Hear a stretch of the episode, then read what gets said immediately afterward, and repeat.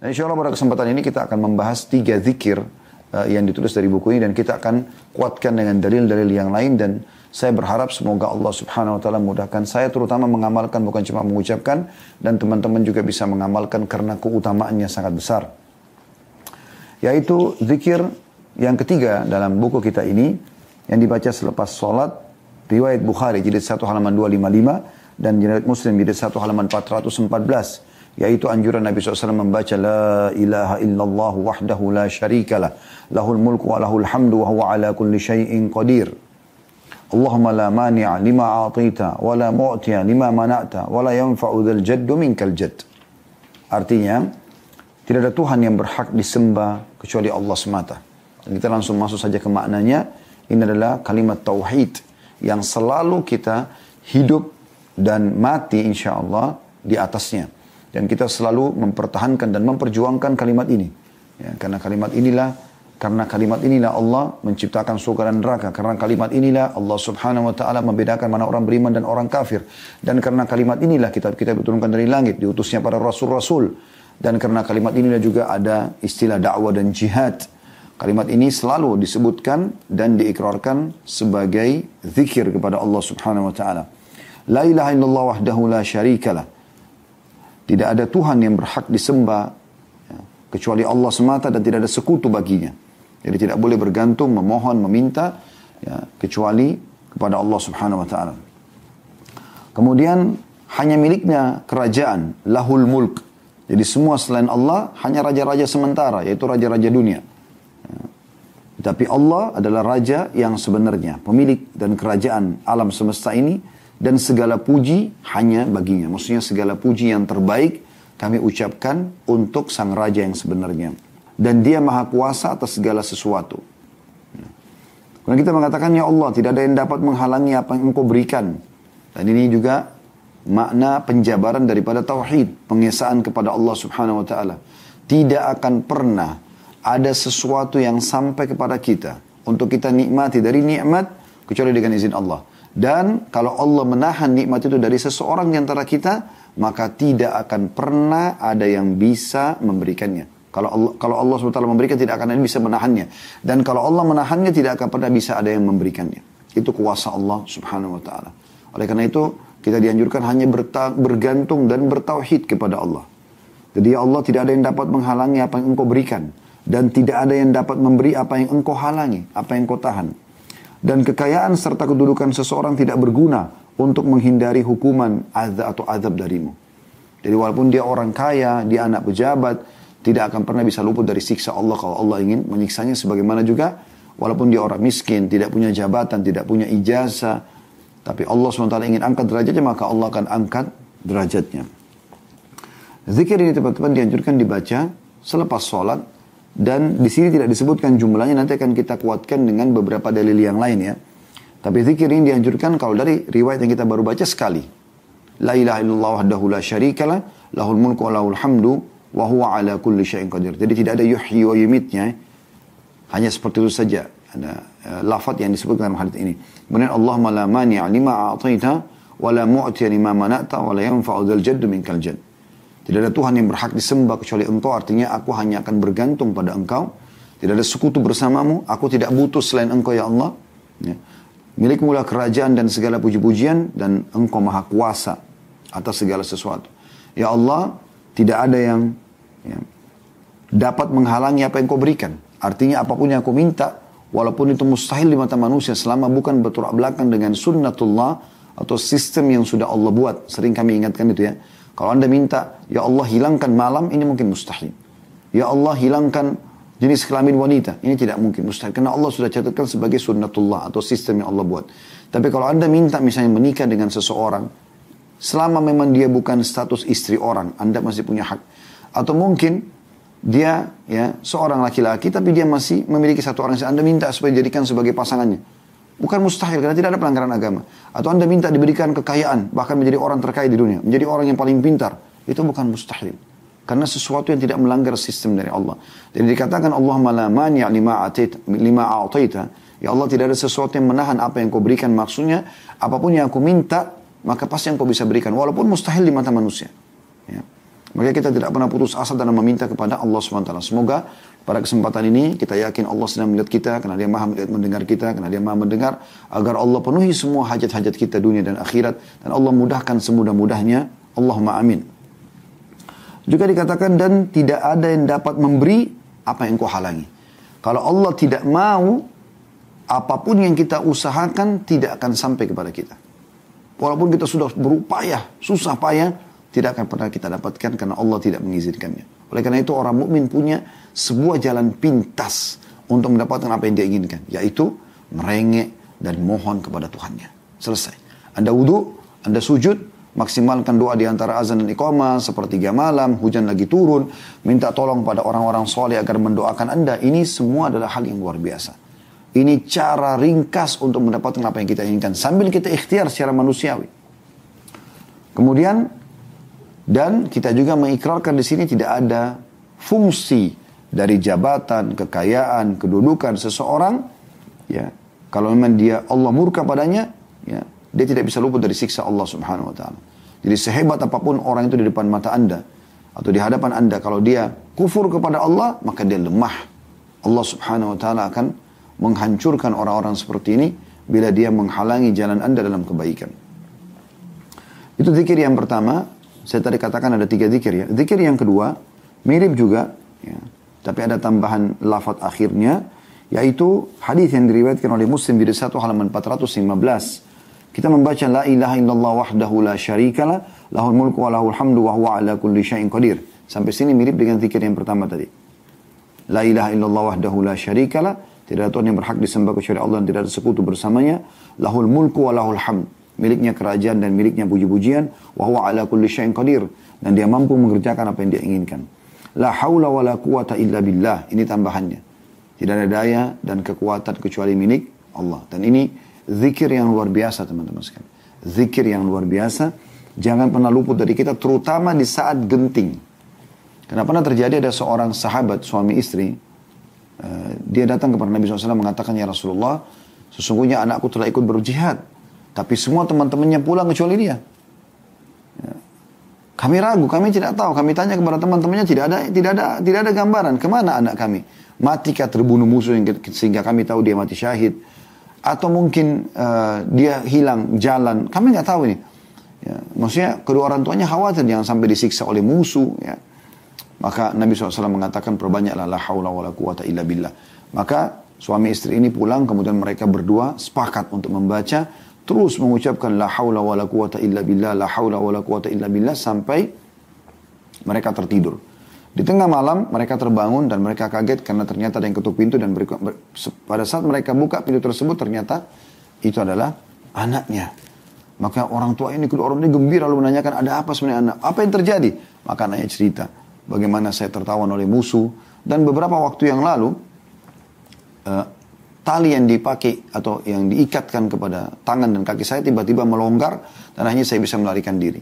Dan ternyata pada saat mulai terasa seperti itu, itu di saat kedua orang tuanya mulai membaca la haula wala quwata illa billah. Ini tambahannya, kemudian diulangi lagi la ilaha illallah wala na'budu illa iyyah. Ini tambahannya dari zikir yang pertama, tidak Tuhan yang berhak disembah kecuali Allah dan kami tidak menyembah kecuali Dia. Ya, jadi mirip yang tadi pertama ya. La ilallah wahdahu la syarika la lahul mulku lahul hamdu wa huwa ala kulli syai'in qadir. Sampai sini sama. Ditambah di sini la haula wa la quwata illa billah. Kemudian la ilaha illallah ya. Wa la na'budu illa iyyah. Ini potongan dari doa ini. Kalau kita bagi-bagi doa ini kita bagi menjadi ya eh, lima potongan ya. Potongan yang pertama la ilaha illallah wahdahu la syarika la lahul mulku lahul hamdu wa huwa ala kulli syai'in qadir. Potongan yang kedua adalah la haula wa la quwata illa billah. Potongan yang ketiga, la ilaha illallah wa la na'budu illa iyyah. Sekarang kita masuk ke potongan yang keempatnya, lahun ni'matu wa lahul fadlu wa lahul thana'ul hasan. Ini potongan yang keempat di doa yang kedua ini ya. Saya ulangi, lahun ni'matu wa lahul fadl wa lahul thana'ul hasan. Ya. Artinya, nikmat dan karunia hanya miliknya jadi semua nikmat apa pun itu hanya dari Allah. Kita ikrarkan itu. Semua nikmat ya, dan karunia hanya miliknya dan sanjungan yang baik juga hanya baginya. walahu tsana'ul hasan. Ini potongan keempat. Potongan yang kelima yang terakhir dari doa ini, doa yang kedua, la ilaha illallah mukhlisina lahuddin walau karihal kafirun. Tidak ada Tuhan yang berhak disembah kecuali Allah. Kami memurnikan ibadah hanya kepadanya, sekalipun orang-orang kafir membencinya. Ya. Kita ulangi kembali supaya teman-teman mudah hafal. La ilaha illallah wahdahu la syarikalah, lahul mulku wa lahul hamdu wa huwa ala kulli syai'in qadir. Ini potongan doa yang kedua ya, tapi kita bagi menjadi lima supaya mudah dihafal. La haula wa la quwata illa billah. Kemudian yang ketiga, la ilaha illallah wa la na'budu illa iyyah. Ya. Yang keempat, lahun nikmatu wa lahul fadl wa lahul thana'ul hasan. Yang kelima, la ilallah mukhlisina lahud din. Ya, walau karihal kafirun. Ini lima potongan dari doa yang kedua. Kita ulangi kembali teman-teman sekalian dari awal. Yang potongan doa pertama, La ilaha illallah wahdahu la syarika la lahul mulku wa lahul hamdu wa huwa ala kulli syai'in qadir. Allahumma la mani'a lima a'taita wa la mu'ti lima mana'ta wa la yanfa'u dzal jaddu minkal jadd. Ya. Ini potongan yang pertama yang kita pelajari pada hari ini ya. Tapi ini adalah doa yang ketiga dari awal kita belajar. Karena kemarin atau pekan lalu kita sempat baca astagfirullah tiga kali dengan Allahumma antas salam wa minkas salam tabarak wa ta'alik ya dal jalali wal ikram. Uh, di sini kita pelajari doa yang ketiga. Tadi sudah saya bacakan la ilallah wahdahu la syarikalah lahul mulku wa lahul hamdu wa huwa ala kulli syai'in qadir. Allahumma la mani'a lima a'taita wa la mu'ti lima mana'ta wa la yanfa'u dzal jaddu minkal jadd. Tidak ada Tuhan yang berhak disembah kecuali engkau, tidak ada sekutu bersamamu, ya. Segala milikmu lah kerajaan dan puji-pujian dan engkau mampu mengerjakan apa yang kau inginkan. Ya Allah, tidak ada sesuatu yang dapat tertahan bila engkau berikan dan tidak ada sesuatu yang bisa uh, diberi kalau engkau menahannya dan tidak ada manfaat kedudukan dan jabatan seseorang dari azabmu kalau memang dia kufur. Kemudian zikir yang keempat yang baru saja kita baca dibagi menjadi uh, lima bagian supaya mudah dihafal ya. La ilaha illallah wahdahu la syarikalah, lahul mulku wa lahul hamdu wa huwa ala kulli syai'in qadir. Kemudian la haula wa la quwata illa billah. Kemudian ya, potongan yang ketiga, la ilaha illallah wa la na'budu illa iyyah. Potongan yang keempat, lahun ni'matu wa lahul fadl wa lahul thana'ul hasan. Potongan yang kelima, la ilaha illallah mukhlisina lahud dina walau karihal kafirun. Artinya, tidak Tuhan yang berhak disembah kecuali Allah, tidak ada sekutu bersamanya dan miliknya kerajaan dan puji-pujian dan dia mampu mengerjakan apa yang dia inginkan. Kemudian tidak ada daya dan kekuatan kecuali milik Allah. Kemudian tidak ada Tuhan yang berhak disembah kecuali Allah dan kami tidak menyembah kecuali Ia. Kemudian miliknya lah segala nikmat ya dan karunia serta segala puji yang mulia untuknya. Kemudian tidak ada Tuhan yang berhak disembah kecuali Allah. Kami tulus dan ikhlas ya dalam hal itu walaupun orang-orang kafir membencinya. Ini potongan doa yang keempat dari awal kita belajar dan potongan kedua dari hari ini kita belajar. Yang terakhir teman-teman sekalian kita pelajari pada sore ini, ya, nanti kita akan tambahkan dengan banyak dalil-dalil yang lainnya dari selain buku ini, yaitu uh, di halaman 63 ya, hadis yang diriwayatkan uh, oleh Imam Muslim di satu halaman 418 dan di sini disebutkan keutamaannya di halaman 64-nya ada footnote di situ di bawah ya. Footnote nomor 86. Kata Nabi SAW, barang yang membaca kalimat tersebut setiap selesai sholat, maka diampuni kesalahan-kesalahannya sekalipun seperti bui di lautan. Yaitu dia membaca, Subhanallah, Walhamdulillah, Wallahu Akbar, masing-masing 33 kali. Subhanallah, Subhanallah, Subhanallah, 33 kali. Alhamdulillah, Alhamdulillah, Alhamdulillah, 33 kali. Allahu Akbar, Allahu Akbar, Allahu Akbar, 33 kali. Ya. Kemudian digenapkan seratusnya dengan La ilaha illallah wahdahu la syarikalah lahul mulku wa lahul hamdu wa huwa ala kulli syai'in qadir. Jadi ini subhanallah, perhatikan kalimat tauhid ini ya, terulang-ulang. Jadi dalam habis sholat saja sudah berapa kali kita ulang ini ya. Di zikir yang kedua, La ilallah wahdahu la syarikalah lahul mulku wa lahul hamdu wa huwa ala kulli syai'in qadir. Uh, Allahumma la mani' lima atit lima atita wa la mu'ti lima manata wa la yanfa'u dzal jaddu minkal jadd. Di zikir yang ketiga yang Zikir yang ketiga tadi itu maaf, dari awal belajar. Zikir yang keempatnya, La ilallah wahdahu la syarika la lahul mulku lahul hamdu wa huwa wa huwa ala kulli syai'in qadir. Diulangi lagi ya. La haula wa la quwata illa billah. Uh, la ilaha illallah wa la na'budu illa iyyah. Lahul ni'matu wa lahul fadl wa lahul thana'ul hasan. La ilaha illallah mukhlisina lahud dina wa lahu kariyal kafirun. Di sini subhanallah, di zikir yang kelima atau urutan yang ketiga yang kita pelajari pada sore ini, diulangi lagi. Subhanallah, subhanallah, subhanallah 33 kali. Alhamdulillah, Alhamdulillah, Alhamdulillah sampai 33 kali. Allahu Akbar, Allahu Akbar, Allahu Akbar 33 kali. Ini kalau digabung 99. Kata Nabi SAW, lalu digenapkan seratusnya dengan, diulangi lagi tadi. La ilaha illallah wahdahu la syarika la lahul mulku lahul hamdu wa huwa ala kulli syai'in qadir. Perhatikan semua di sini lafadznya tidak ada yuhyi wa yumitnya. Ya. Seperti itu. Ya, jadi kita sebutkan seperti, seperti yang diajarkan Nabi SAW. Kata Nabi SAW, siapa yang membaca ini, maka diampuni dosanya walaupun sebanyak bui di lautan. Sebanyak bui di lautan. Baik teman-teman sekalian, uh, dari tiga zikir yang kita pelajari pada sore ini, semuanya kembali sebenarnya bagaimana mengingatkan orang muslim, seorang muslim atau mukmin dan muslim atau mukminah, mereka agar selalu hanya bergantung dan kembali kepada Tuhannya. Betul-betul teman-teman sekalian kalau anda ikhlaskan niat kepada Allah subhanahu wa ta'ala.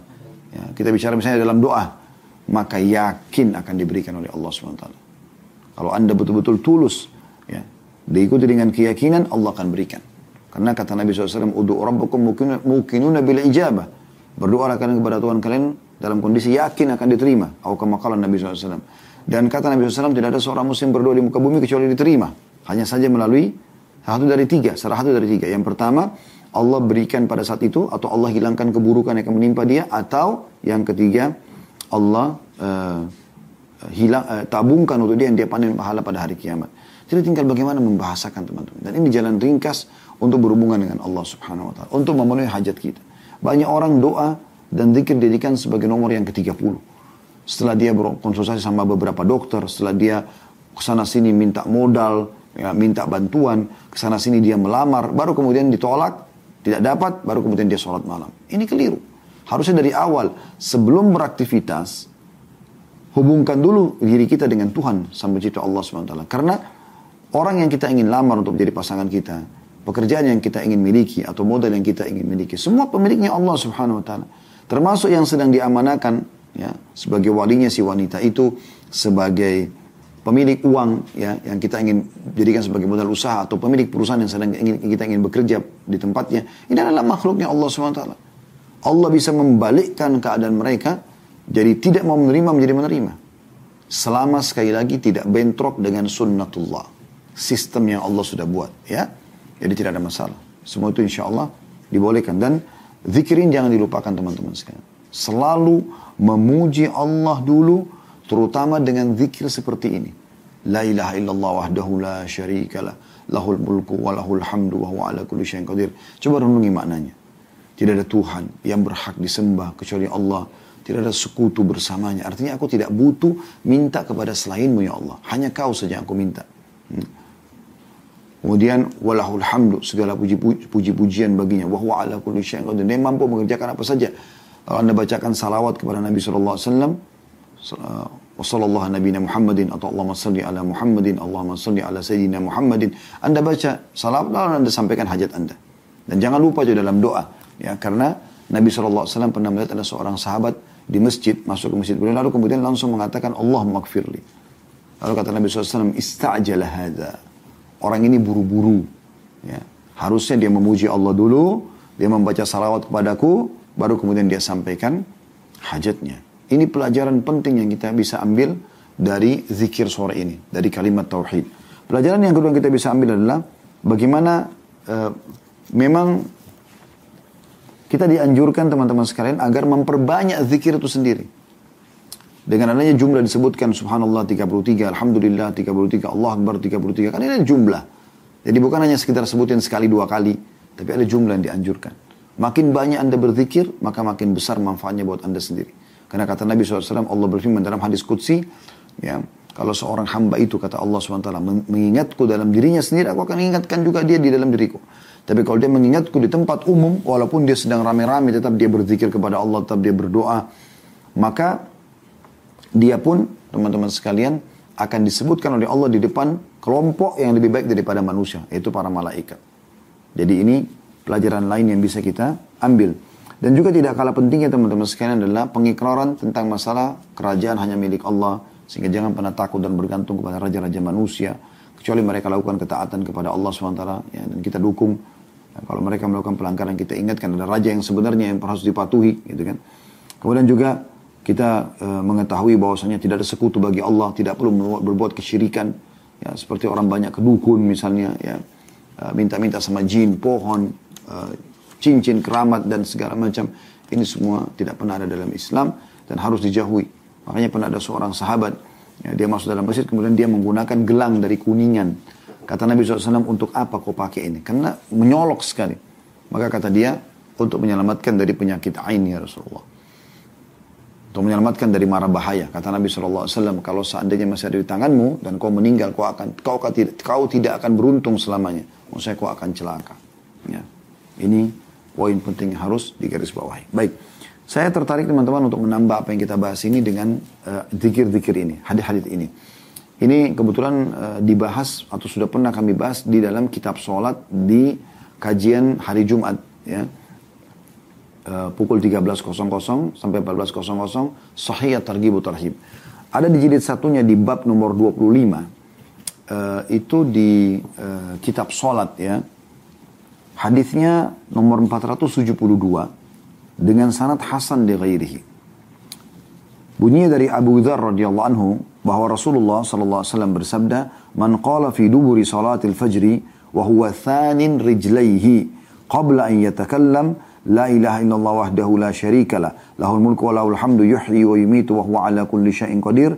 عشر مرات كتب الله له عشر حسنات ومحى عنه عشر سيئات ورفع له عشر درجات وكان يومه ذلك كله في في هرز من كل مكروه. وحرس من الشيطان ولم yambagi li dhambin an yudrikahu fi dzalikal yaumi illa syirka billah. Artinya, kata Nabi SAW, barang siapa yang setelah sholat subuh. Kalau tadi kan itu selepas sholat umumnya. Mau subuh, duhur, asar, maghrib, isya, semuanya kita dianjurkan baca zikir tadi. Ya. Tapi habis subuh, ada anjuran, ya, juga ini dibaca habis asar dan habis isya. Eh, maaf, habis maghrib, tiga ini. Subuh, asar, maghrib. Ya. Sekali lagi, subuh, asar, dan maghrib. Tiga sholat ini dianjurkan Anda membaca ini. Mirip zikir tadi tapi ada tambahannya yuhyi yumid. Ya. Kata Nabi SAW, barang siapa yang setelah subuh, sementara dia menekuk kedua kakinya, jadi belum mengubah posisi duduknya. Ya. Kakinya, telapak kakinya yang biasa dia duduk, apakah dia duduk tawarruk, duduk di bawah bokongnya, tahiyat terakhir atau dia duduk iftirash.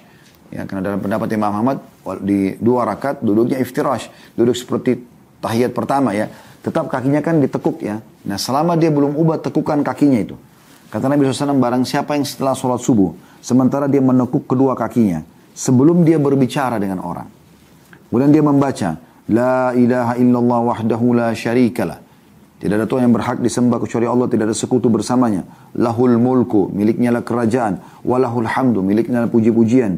Di sini ada tambahannya, yuhyi wa yumid. Dan dia maha hidup dan juga ya, dia menghidupkan dan memat ya, dia, dia dia menghidupkan dan juga mematikan. Kemudian wahwa ala kulli syai'in qadir dan dia mampu mengerjakan apa yang diinginkan. Jadi bedanya hanya sama zikir yang sebelumnya tadi yang kita baca sekali-sekali ini dibaca 10 kali ada yuhyi wa yumidnya dan dibaca selepas subuh, selepas asar dan selepas maghrib ya. Tapi riwayat ini masih bicara masalah subuh dulu. Nanti kita akan jelaskan riwayat asar dan maghribnya. Kata Nabi SAW, siapa yang membaca ini? Ya, sebelum mengubah posisi duduknya. Selepas sholat subuh 10 kali. La ilaha illallah. Wahdahu la syarikalah. Lahul mulku wa lahul hamdu. Wa huwa yuhyi wa yumit wa huwa ala kulli syai'in qadir.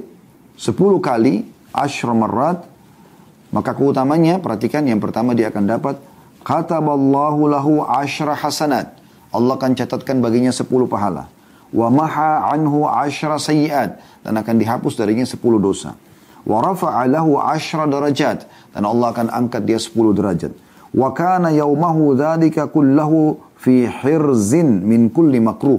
Dan pada hari itu Allah akan jaga dia dari semua hal yang dia tidak sukai. Yang kelima, wahurisa minasyaitan akan dijaga dari semua godaan syaitan. Yang keenam, walam yang bagi di an yudrikau fi dzalikal yaumi illa syirku bil illa syirka billah. Dan tidak ada sesuatu dosa yang selayaknya menghancurkan dia pada hari itu kecuali syirik kepada Allah. Artinya saking besarnya pahalanya ini. Kita ulangi ya. Siapa kata Nabi SAW yang membaca selepas sholat subuh sebelum mengubah posisi duduknya. Begitu salam posisi masih tertekuk kakinya, kaki sebelah kanannya, telapak kaki sebelah kanannya. dan dia belum bicara dengan orang-orang. Langsung setelah astagfirullah, astagfirullah, astagfirullah, Allahumma la mani' lima a'taita wala uh, Allahumma antas salam wa minkas salam tabarak wa ta'ala ya dzal jalali wal ikram. Dia usahakan baca ini dulu ya. Baru kemudian dia baca tiga zikir tadi yang sudah kita sebutkan ya. Yaitu la ilaha illallah wahdahu la syarikalah lahul mulku wa lahul hamdu yuhyi wa yumit wa huwa ala kulli syai'in qadir 10 kali. Maka akan diberikan kepadanya enam, enam hal ya. Dicatat baginya 10 pahala dihapus darinya 10 dosa ya. Diangkat 10 derajat uh, kemudian dia diselamatkan dari semua yang dia benci pada hari itu Kemudian diselamatkan dari semua syaitan dan tidak ada satupun dosa yang bisa membuat hidupnya hancur, sengsara, derita, sedih, kecuali syirik kepada Allah. Artinya dosa lain akan dimaafkan. Ini luar biasa. Sekali lagi saya ulangi teman-teman. Barang siapa yang membaca kata Nabi SAW, La ilaha illallah wahdahu la syarikalah, lahul mulku wa lahul hamdu, yuhyi wa yumit, wa huwa ala kulli syai'in qadir. Selepas salat subuh, sebelum mengubah posisi duduk kaki, tekukan kakinya, dan tidak bicara sama orang di sebelah, dicatatkan baginya 10 pahala. Dihapuskan baginya darinya 10 dosa. Ya. Diangkat 10 derajat. Kemudian diselamatkan dari semua yang dia benci. Diselamatkan dari syaitan. Dan tidak ada dosa yang bisa menghancurkan, menyedihkan, menyusahkan di hari itu kecuali syirik kepada Allah. Ini luar biasa hadisnya. Ya. Setelah itu anda boleh tambah baca tadi zikir la ilallah daula syarikalah lahul mulku lahul hamdu wa huwa ala kulli syai'in qadir Allahumma la mani lima a'tita wa la mu'ta lima mana'ta wa la yanfa'u jaddu minkal jadd. Itu zikir tadi yang kita pelajari ya uh, di awal. Kemudian zikir yang kedua kita pelajari la ilaha illallah wahdahu la syarikalah lahul mulku wa lahul hamdu wa huwa ala kulli syai'in qadir. La haula wa la quwata illa billah. La ilaha illa ant. La ilaha illallah wa la na'budu illa iyyah. Uh, lahul ni'matu wa lahul fadlu wa lahul thana'ul hasan. La ilaha illallah mukhlisina lahu dina walau karyal kafirun. Kemudian zikir yang ketiga, Subhanallah 33, Alhamdulillah 33, Allah Akbar 33. Kemudian baca yang 100 yang la ilallah wahdahu la syarikalah, lahul mulku lahul hamdu wa huwa ala kulli syai'in qadir. Ya. Kemudian ada keutamaan tambahannya yang ketujuh tadi ini kan enam keutamaan. Yang ketujuh tambahannya dalam riwayat lain adalah wa kana lahu bi wahidatin qalaha idku raqabatin mu'minah. Ini luar biasa. Dan dalam satu ucapannya kan dibaca 10 kali tadi. La ilallah wahdahu la syarika lahu mulku lahul hamdu yuhyi wa yumit wa huwa ala kulli syai'in qadir. Itu satunya dibalas dicatat pahala oleh Allah seperti membebaskan 10 budak yang beriman, ya. Dikatakan dengan satu kali dia ucapkan, dia mendapatkan pahala sama dengan memerdekakan seorang budak sahaya yang beriman. Artinya 10 kali baca sama pahala yang membebaskan 10 eh, 100 orang budak. Itu luar biasa. Cuma baca ini saja. Makanya teman-teman selepas salam jangan buru-buru berdiri, jangan buru-buru yang meninggalkan uh, tempat sholat, zikir dulu, dan jangan buru-buru ngobrol sama orang. Ya. Jadi enam, uh, tujuh keutamaan sekaligus ya. Dicatatkan baginya sepuluh pahala, dihapuskan darinya sepuluh dosa, diangkat sepuluh derajat, dihilangkan dari semua yang dia benci pada hari itu, diselamatkan, diselamatkan dari syaitan, Ya, dan tidak ada yang bisa menyedihkan, menyusahkan dia dari dosa-dosa pada hari itu kecuali syirik kepada Allah. Dan di sini yang ketujuh adalah yang baru kita sebutkan di setiap satu ucapan zikir ini la ilaha wahdahu la syarika lahul mulku lahul hamdu yuhyi wa yumiit wa huwa ala kulli syai'in qadir akan dicatatkan satunya seperti membebaskan 10 orang budak beriman. Artinya 10 kali sama dengan 100 orang budak yang dibebaskan. Tentu kalau Anda mau tahu nilainya ini, satu budak berapa harganya? Kan mahal. Mungkin zaman kita tidak ada sekarang, tapi kurang lebih manusia kita beli. Berapa nilainya? Mahal pasti manusia dibeli. Kalau zaman dulu ada perbudakan. Ya. Maka kita seperti beli satu kali ini seperti membebaskan 10 budak. Baca 10 kali sama dengan 100 budak. Itu kan banyak sekali uang yang dikeluarkan. Gitu. Itu hadis. Hadis yang lain, uh, riwayat yang lain, riwayat An-Nasai, dari hadis Mu'adz bin Jabal radhiyallahu dia menambahkan, ومن قالهن حين ينصرف من صلاة العصر أوتي مثل ذلك في ليلته dan barang siapa yang mengucapkan yang sama selepas sholat asar tadi kan habis subuh ya. maka dia akan diberikan seperti apa yang diberikan tadi ya, di pagi hari pada malam itu ya, jadi dia akan dapat tujuh hal tadi dia akan dapat, dicatatkan sepuluh pahala dihapuskan sepuluh dosa diangkat sepuluh derajat dihilangkan dari segala yang dia benci pada hari itu diselamatkan dari semua godaan syaitan. Kemudian dia tidak ada yang bisa membinasakan, menyedihkan dia kecuali syirik kepada Allah. Kemudian juga akan diberikan sama dengan 100 bebasin budak mukminah. Ya. Ini luar biasa. Tujuh hal ini didapatkan di pagi hari kalau kita baca habis subuh. dan juga di sore hari pada saat kita baca selepas asar. Hadis yang selanjutnya juga hadis nomor 473 dari awal uh, bahasan dalam uh, bab ini atau buku ini sanadnya Hasan di ghairi, maksudnya menjadi Hasan karena dikeluarkan riwayat-riwayat lain. Dari Umara bin Shabib As-Sab'i radhiyallahu anhu dia berkata bahwasanya Rasulullah SAW bersabda man qala la ilaha illallah wahdahu la syarika la lahul mulku wa lahul hamdu yuhyi wa yumiit wa huwa ala kulli syai'in qadir asyra marrat ala ithril maghrib ba'atha Allah lahu maslahatan yahfazunahu min asyaitani hatta yusbih wa kataba Allah lahu biha asyra hasanatin mujibat wa maha anhu asyra sayiatin mubiqat wa kanat lahu bi'adli mu'minat kalau tadi kan disebutkan subuh dan asar. Sekarang kita dengarkan riwayat maghrib. Maka tadi saya bilang di awal, subuh, asar, dan maghrib. Tiga sholat ini. Kata baginda Nabi SAW, perhatikan baik-baik barang siapa yang membaca. La ilaha illallah wahdahu la syarikalah. Tidak Tuhan yang berhak disembah kecuali Allah dan tidak ada sekutu bersamanya. Lahul mulku, segala baginya kerajaan. Walahul hamdu, segala baginya puji-pujian. Yuhyi wa yumid, dia, dia menghidupkan dan mematikan. Wa ala kulli syai'in qadir dan dia mampu mengerjakan apa yang dia inginkan. Asyra marrat, sepuluh kali. Ditambah sini, ala ithril maghrib, selepas solat maghrib, ba'athallahu maslaha ba'athallahu lahu maslahatan yahfaduna minasyaitani hatta yusbih. Ini berarti keutamaan yang ke-8 ya, selain dari yang tujuh tadi, yaitu Allah akan mengutus untuknya pasukan bersenjata yang menjaganya dari syaitan sampai pagi. Ini berarti keutamaan yang ke-8 kalau dia baca ini ya.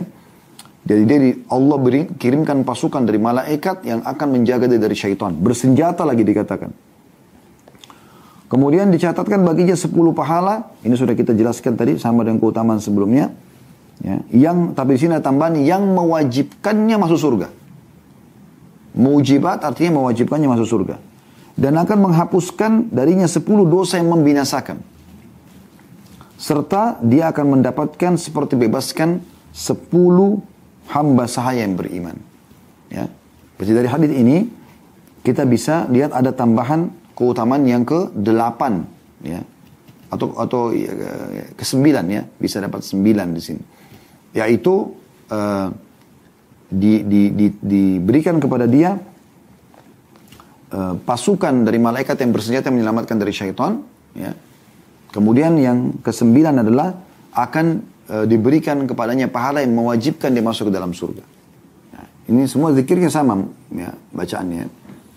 Kemudian hadis selanjutnya, hadis nomor 474 dengan sanad Hasan Sahih dari Abu Ayyub radhiyallahu anhu bahwa Rasulullah SAW bersabda man qala idza asbaha la ilaha illallah wahdahu la syarika la lahul mulku wa lahul hamdu wa huwa ala kulli syai'in qadir asyar marrat kataba lahu lahu kataballahu lahu bihinna asyra hasanat wa ma anhu wa maha bi wa maha bihinna asyra sayiat wa rafa lahu bihinna asyra darajat wa kunna lahu عدل إطاقة أربع الرقاب وكن له حرزا حتى يمسي ومن قالهن إذا صلى المغرب دبر صلاة فمثل ذلك حتى يصبح Artinya barang siapa yang membaca di pagi hari, ya, di sini dijelaskan bahwasanya yang dimaksud adalah tepatnya selepas sholat subuh. Karena dalam hadis Abu Hurairah dikatakan ba'da ma yusallil ghadat atau selepas dia sholat subuh. Ya. Barang siapa yang baca di pagi hari, La ilaha illallah wahdahu la syarika la lahul mulku lahul hamdu wa huwa ala kulli syai'in qadir. Ini mirip dengan zikir yang kita baca tadi, ya. Jadi teman-teman jangan bilang, "Oh, Ustaz kan mirip-mirip, saya baca aja satu." Enggak, jangan. Memang ini diulang-ulangin ya. Memang diulang-ulangin, ya. Kalau zikir tadi yang kita pelajari perhatikan, la ilaha illallah wahdahu la syarika la lahul mulku lahul hamdu wa ala kulli syai'in qadir, ya. Kemudian langsung disambung, Allahumma la mani' lima a'taita wa la mu'ti lima mana'ta wa la yanfa'u jaddu minkal jadd. Nah, zikir yang tadi juga kita pelajari adalah la ilaha wahdahu la syarikalah, lahul mulku lahul hamdu wa huwa ala kulli syai'in qadir. Terulang lagi kan, tapi memang harus diulang ini supaya dapat keutamannya. La haula wa la quwata illa billah. La ilallah wa la na'budu illa iyyah. Lahu ni'matu wa lahul fadl wa lahu thana'ul hasan. La ilallah mukhlishina lahu din wa lahu karihal kafirun. Sama juga dengan subhanallah 33, alhamdulillah 33, Allah akbar 33 ditutup dengan la ilallah wahdahu la syarikalah lahul mulku lahul hamdu wa ala kulli syai'in qadir. Jangan bilang, oh tadi kan sudah saya baca jadi nggak usah baca 100-nya itu. Enggak. Semua dibaca diulangi. Mirip juga dengan Anda selepas sholat kan Nanti kita pelajari pertemuan akan datang ya. Baca kulallahu ahad, kulallahu farad, kulallahu nas. Apalagi sholat subuh dan sholat maghrib biasanya dibaca tiga-tiga kali. Jangan anda pada saat membaca atau baca habis subuh uh, kulallahu ahad tiga, tiga kali. Al-Falak tiga kali, An-Nas tiga kali. Lalu anda mau zikir pagi senin. Anda mengatakan, ya sudah tadi kan sudah saya baca habis sholat. Ini berarti sudah cukup yang kemarin, yang tadi. Enggak, masing-masing dibaca. Hmm. Di sini juga kalau hadis yang baru kita baca teman-teman menguatkan keutamaan tadi yang kita pelajari dari buku doa, ya. Kalau ini kan sekarang saya bacakan dari buku Sahih At-Targhib Tarhib. Jadi tadi yang kita pelajari tiga zikir di sini ya. Dari buku yang kita pelajari uh, awal ini maka ini uh, keutamanya ini teman-teman sekalian ya. Saya ulangi kata Nabi Shallallahu alaihi wasallam, perhatikan barang siapa yang membaca di pagi hari nanti habis subuh tidak ada Tuhan yang berhak La ilallah dahu la syarikalah, lahul wa ala kulli qadir. Sepuluh kali, maka Allah akan menulis baginya sepuluh kebaikan, menghapus darinya sepuluh keburukan, diangkat dengannya sepuluh derajat, dan ia berpahala sama dengan memerdekakan empat hamba sahaya, dan ini dan itu akan menjadi penjaga untuknya sampai sore hari dari segala keburukan.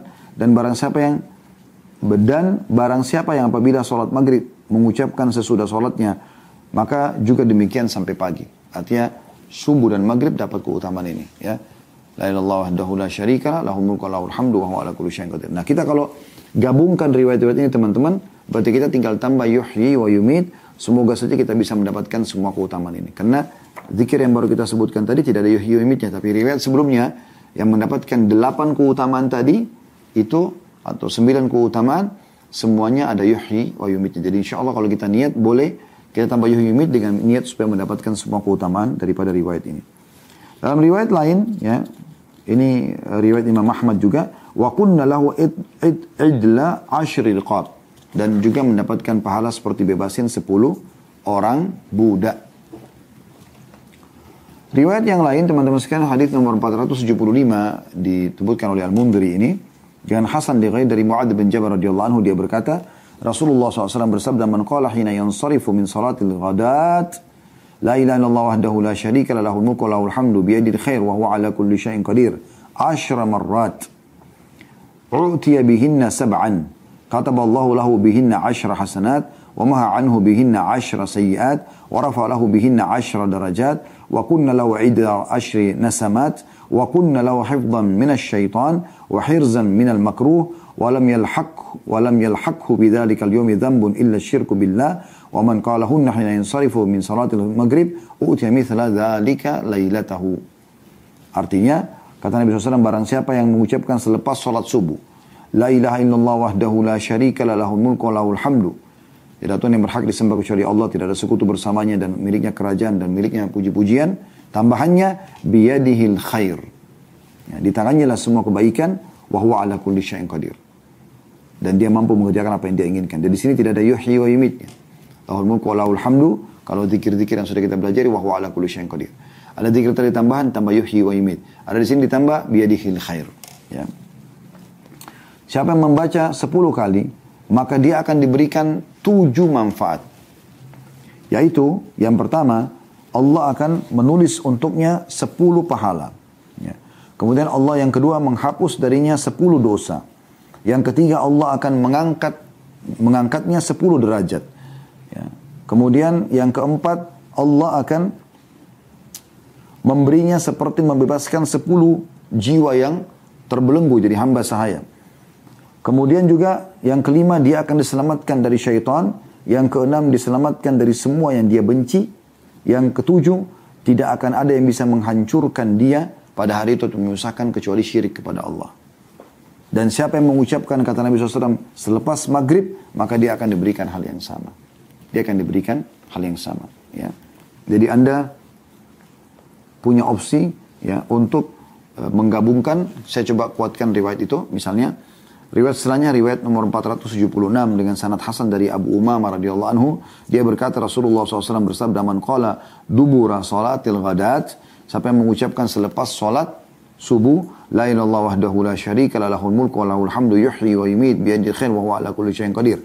Nah ini menggabungkan semua riwayat. Ya, perhatikan la ilallah wahdahu la syarikalah. Yang pertama kita belajar ya, la ilallah wahdahu la syarikalah lahul mulku wa lahul hamdu wa huwa ala kulli syai'in qadir. Riwayat yang kedua, la ilallah wahdahu la syarikalah lahul mulku wa lahul hamdu wa yumit wa huwa ala kulli syai'in qadir. Ada tambahan yuhyi wa yumitnya. Riwayat yang ketiga yang baru kita pelajari, la ilallah wahdahu la syarikalah lahul mulku wa lahul hamdu biyadihil khair wa huwa ala kulli syai'in qadir. Enggak ada yuhyi wa yumitnya, tapi ada tambahan biyadil khair. Riwayat ini menggabungkan semua teman-teman sekalian. Ya, La ilallah wahdahu la syarikalah. Lahul mulku wa lahul hamdu. Yuhyi wa yumit biadi khair wa huwa ala kulli syai'in qadir. Ini menggabungkan semua. Artinya kita bisa menggabungkan semuanya di sini ya. Siapa yang membaca itu ya. Mi'ata marrah 100 kali. Qabla an yathni rijlaihi sebelum dia mengubah posisi tekukan kakinya. Kana yauma idzin min afdali ahli al-ardi amala. Dia akan menjadi penduduk bumi yang paling besar dan paling utama amal solehnya. Illa man qala mithla ma qal au zada ala ma qal. Kecuali orang yang ya, mengucapkan yang sama atau mengerjakan ada lebih daripada itu. Ya. Jadi ini keutamaan yang luar biasa. Kalau anda selepas sholat subuh tidak mengubah posisi tekukan kaki dan membaca ini la ilallah wahdahu la syarikalah lahul mulku lahul hamdu yuhyi wa yumiit bi khair wa ala kulli syai'in qadir 100 kali maka anda akan menjadi penduduk bumi yang paling afdal pada saat itu amal solehnya. Di waktu itu. Tidak ada yang bisa menyaingi Anda kecuali orang yang berbuat yang sama atau dia tambah dengan amal-amalan yang lain. Dan Hasan di hadis setelahnya masih mirip juga dari Abdurrahman ibn Ghanam radhiyallahu dari Nabi SAW bahwasanya beliau bersabda, "Man qala qabla an yansarifa wa yathni rijlaihi min salatil maghribi was subhi, la ilaha illallah wahdahu la syarika la lahul mulku wa lahul hamdu yuhyi wa yumiit wa huwa ala kulli syai'in qadir asyra marrat, kataballahu lahu bi kulli wahidatin asyra hasanat wa maha anhu asyra sayiat wa rafa'a lahu asyra darajat wa kanat hirzan min kulli makruh wa hirzan minasy syaithanir rajim wa lam yahilla li dhanbin an yudrikahu illa syirk." wa kana min afdalin nasi amalan illa rajulan yafduluhu yaqulu afdala mimma qal. Ini riwayat terakhir ya. Yang berbunyi kata Nabi SAW, barang siapa yang membaca sebelum dia beranjak dan menarik kedua kakinya dari sholat maghrib dan subuh. Maghrib dan subuh. Tidak ada Tuhan yang berhak disembah kecuali Allah semata. La ilallah wahdahu la syarikana. Lahul mulku. Tidak suku sekutu bersama dan miliknya kerajaan. Walahul hamdu baginya puji-pujian Yuhyi wa yumid. Dan dia menghidupkan dan mematikan. Wahuwa ala kulli syaitan. Dan dia mampu mengerjakan apa yang dia inginkan. Sebanyak sepuluh kali. Sebanyak sepuluh kali maka Allah akan menulis dengan satu kalinya sepuluh kebaikan. Kalau tadi kan eh, sepuluh kali itu dicatatkan baginya sepuluh kebaikan. Artinya satu kali zikir dicatat sepuluh. Tapi hadith ini memberikan kita keutamaan tambahan satu kali zikir sepuluh pahala. Artinya sepuluh kali baca dapat seratus pahala. Akan dihapus darinya persatunya sepuluh dosa. Artinya dengan la ilaha illallah la syarikalah lahul mulku wa hamdu yuhyi wa yumiit wa huwa ala kulli syai'in qadir ini dibaca kalau dibaca 10 kali, satunya itu menghapuskan 10 dosa. Artinya menghapus kalau 10 kali 100 dosa. Dan akan mengangkat satu kali zikirnya 10 derajat. Artinya akan diangkat 100 derajat. Dan akan menjadi pelindung bagi dari perkara yang dia benci, pelindung dari setan yang terkutuk, dan tidak patut bagi dosa untuk menghancurkannya kecuali syirik. Serta dia termasuk orang yang paling baik amalnya kecuali seseorang yang mengunggulinya. Dia mengucapkan yang lebih daripada yang dia ucapkan. Saya susunkan kembali teman-teman supaya tidak uh, bercampur baur. Selepas salam, Anda membaca Astagfirullah, Astagfirullah, Astagfirullah. Tiga kali. Lalu Anda baca Allahumma antas salam wa minkas salam tabarakta wa ta'alik ya jalali wal ikram. Ini sudah kita pelajari pada pekan lalu. Hari ini kita tambah ada tiga zikir tambahan. Anda bisa baca juga selepas salam. Ya. La ilaha wahdahu la syarikalah. Lahul mulku wa lahul hamdu wa huwa ala kulli syai'in qadir. Allahumma la mani'a lima a'taita wa la mu'ti lima mana'ta wa la yanfa'u dzal jaddu minkal jadd. Kemudian kita ulangi lagi. La ilaha wahdahu la syarikalah. Lahul mulku lahul hamdu wa huwa ala kulli syai'in qadir. Lalu kita tambahan zikirnya la haula wala quwata illa billah la ilaha illallah wa la na'budu illa iyyah lahu ni'matu wa lahul fadl wa lahu tsana'ul hasan la ilaha illallah mukhlishina lahu din wa lahu karihal kafirun kemudian kita baca subhanallah 33 alhamdulillah 33 Allahu akbar 33 digenapkan 100 dengan la ilaha illallah wahdahu la syarikalah lahul mulku wa lahul hamdu wa huwa ala kulli syai'in qadir Ini zikirnya ya. Tentu masih ada zikir yang lainnya. Kita masih bicara masalah zikir ini. Nanti akan ada pertemuan akan datang al-ikhlas baca al-falak, an-nas, ada baca ayat kursi. Tapi kita sedang bicara tentang zikir ini dulu. Yang baru kita tambahkan dari kitab Sahih At-Targhib Tarhib adalah khusus selepas sholat subuh, asar, dan maghrib. Nah, kalau anda baca ya, selepas subuh, La ilaha illallah wahdahu la syarikalah, lahul mulku wa lahul hamdu, ada yuhyi wa yumit, wa huwa ala kulli syai'in qadir. Ya. Ini anda akan mendapatkan enam manfaat sudah kita sebutkan tadi. Dicatatkan baginya sepuluh pahala, dihapuskan darinya sepuluh dosa, diangkat sepuluh derajat, diselamatkan dari hal yang dia benci, diselamatkan dari syaitan, dan juga tidak ada yang bisa membinasakan di hari itu kecuali dosa syirik. Ada wirid yang zikir yang setelahnya la ilallah wahdahu la syarikalah lahul mulku yuh eh, dari yuhyi yumitnya la ilallah wahdahu la syarikalah lahul mulku lahul hamdu biyadil khair wa huwa ala kulli syai'in qadir. Ini akan mendapatkan tujuh manfaat. Dicatatkan baginya sepuluh pahala, dihapuskan darinya sepuluh dosa, diangkat sepuluh derajat, dicatatkan di, di, diberikan pahala seperti bebasin sepuluh budak, dijaga dari syaitan, diselamatkan dari semua yang dia benci, dan tidak ada yang bisa membinasakan dia kecuali ya dosa syirik. Mirip keutamanya tapi dua zikir yang berbeda. Ada yang pertama yuhyi yang kedua ya uh, biadil khair. Ini dibaca 10 10 kali ya. Selepas subuh selepas asar dan selepas maghrib. Usahakan anda baca masing-masing ini ya. Ada lagi kalau anda mau lebih hebat lagi anda baca La ilallah wahdahu la syarika la lahul mulku wa khair wa ala kulli syai'in qadir. Digabungkan semua zikirnya. Tapi ini 100 kali. Dibaca selepas subuh saja ini. Gak ada riwayat yang menyebutkan lainnya. Selepas subuh saja dia baca seratus kali, maka dia akan menjadi manusia terbaik di hari itu. Kecuali orang, dan tidak ada yang bisa menyayangi dia, kecuali orang yang berbuat seperti dia atau lebih. Ya. Jadi ini sendiri, seratus kali. Tapi sebelum mengubah posisi duduk. ya Di sini kita sebelum mengubah posisi duduk. Kalau zikir-zikir yang lain boleh anda ubah posisi duduk. Tapi di sini sebelum mengubah posisi duduk. Makanya Seringkali yang kami dapatkan anjuran para ulama ini dibaca setelah istighfar tiga kali. Anda boleh membaca langsung zikir ini lalu Anda baca zikir sholat yang lain. Karena ini ada ada syarat ada isyarat agar tidak mengubah posisi duduk. Sementara zikir yang lain tidak ada masalah. Kemudian tadi yang terakhir adalah orang yang membaca selepas subuh dan selepas maghrib. La hadahu la syarika lahul mulku hamdu. Ya. Uh,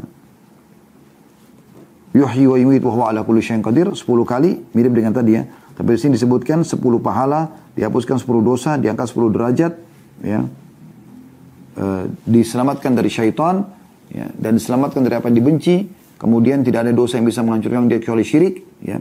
Dan dia termasuk orang yang terbaik pada hari itu, kecuali orang yang mengerjakan lebih daripada dia.